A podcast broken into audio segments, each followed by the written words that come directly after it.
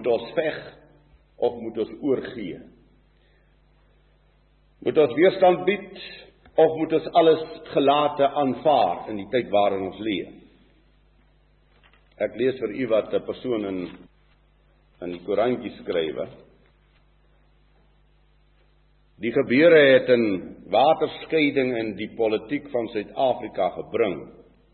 Nou die gebeure, u, u ek hoef dit mos nou nie vir u uit te spel die gebeure in hierdie land nie. Met die oorgawe van die de Klerk is daar in elke sin van die woord oorlog verklaar teen die belange van die Afrikaner volk en van elke wit man in Suid-Afrika. Nou dis 'n dom ou wat dit ook nie verstaan.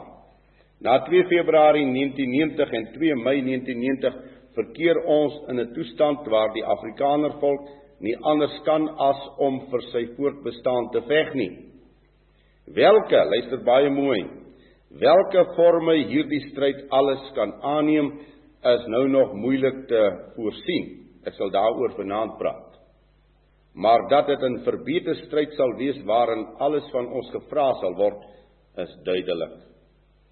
'n Uur van bestemming soortgelyk aan die van Desember 1838, Desember 1881 en Oktober 1899 het in ons bestaan aangebreek. Nou hoop ek die kinders weet wat het in hierdie tyd gebeur. Wat in 1838 was die boere saamgetrek op die walle van Bloedrivier. In 1881 weet ons het die eerste opstand in die Transvaal gekom. En 1899 het die boereoorlog uitgebreek. Politieke leiers wat nie hiermee rekening hou nie, sal 'n ernstige misvatting begaan Vanaf hierdie oomblik moet besef word sal alles in die stryd gewerp moet word om die de Klerk bewind op sy rampspoedige weg te stuit. Nou dit sê ek sommer so tussenin. Gisteraand het hy gesê geen massa vertoning, niks sal hierdie pad stuit nie. Nou wil ek met hom saamstem vanmôre. Die oomblik wanneer hierdie wit volk en hierdie Afrikaner volk besef, maar niks en daaroor sal ek ook vanaand praat. Hoekom kan dit nie gestuit word nie? Dit sal nie gestuit word nie, dit kan nie gestuit word nie. Hulle kan nog 500 000 saamtrek iewers in hierdie land. Dit gaan nie help nie. Geen volk kan passief toe kyk hoe sy land en sy regte verkwansel word deur derde rangse amptenare en manteldraaiers nie. Nou wat sê hierdie opskrif van hierdie stukkie? Net een keuse, veg. Geliefdes, die eerste waarna u en ek as gelowiges dan moet kyk. Ons moet kyk na die basisse van waar vandaan geveg word. En die eerste wat ek wil vanmôre sê, die volk se basis, die volk maak nou nie saak watter politieke partye aanbehoort nie watter kerke aanbehoort nie. Dit gaan nie vanmôre daarom nie. Dit gaan om die woord van Jawe en 'n gelowige mens. En die eerste waarop na ons kyk is verkeerde basis. Die krisis van 16 Desember 1838 en die krisis van vanmôre is twee verskillende dinge. Hierdie volk het 'n politieke basis en hy het 'n godsdienstige of 'n kerklike basis. En die eerste is dat ons sê dit is verkeerd. Hoe veg jy vanuit 'n verkeerde basis? Laat dink my dadelik aan die fort wat die uur laat bou het vir die Engelse daar in die Boereoorlog wat genoem is Fort Mistake. Nou, Uh jy kan nie van af 'n verkeerde terrein veg nie, geliefdes. Daar bestaan nie so iets nie. Jy moet verloor as jou terrein foutief is. Die eerste waarna ons kyk is, die stryd is verlore want dit is verdeel.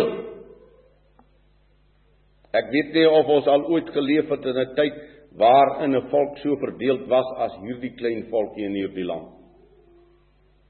En hoe verdeeld is hy oor die wêreld? Ek praat van die blanke volkere wat nie eens 10% van die wêreldbevolking uitmaak nie. Hoe verdeeld is hy oor die wêreld? Die stryd is verlore in verdeling. Eintlik is dit nog erger. Die basisse wat vir hierdie volk geskep is, naamlik sy kerklike basis en sy politieke basis, is juis geskep sodat hy nie die waarheid sal hê nie. Sodat hy binne die leuen sal moet veg en jy kan nie binne die leuen veg nie. Die toestand van die wit volk in Suid-Afrika is so erg geliefdes. Laat u en ek tog nie illusies hê nie. Laat ons tog Ek sal dit vanaand nog duideliker uitspel. Laat ons tog begryp waar bevind ons vir ons in hierdie tyd? Ons bevind vir ons by 'n punt van totale vernietiging. Ek sê vir u totale vernietiging. Kan ek een dit is nou 'n baie eenvoudige maar 'n simpele voorbeeld. Wanneer reg en geregtigheid wanneer waarheid en koers verloor word, dan is daar net vernietiging oor. Want geen motorkar wat van die pad afloop kan veilig bly nie. Dis onmoontlik. Kan 'n eenvoudige voorbeeld uithaal om vir u te wys waartoe het ons verval. Dit kom nou uit Pretoria uit. In Checkers besigheid steel 'n kaffer 'n 'n polonie, hele polonie. Nou die winkel het 'n hof en dan's daar nog 'n industriële hof. Nou moet jy net mooi luister. Nou is dit geklik hier waarby jy kom vandag van in hierdie wêreld waarin ons leef. Nou steel hy die polonie. Nou word hy uitgewys as skuldig deur die winkelhof. Nou beroep hy hom op die volgende hof, die industriële hof. Nou kom hy daar, nou sê die industriële hof, hierdie winkel moet bewys dat hy nie honger was nie. So as ek nou vanmôre honger is of ek het lus vir kaas dan gaan steel ek vir my 'n stuk kaas en dis reg. So kan ek vir u skwale voorbeelde uithaal vandag in die wêreld waarin ons leef.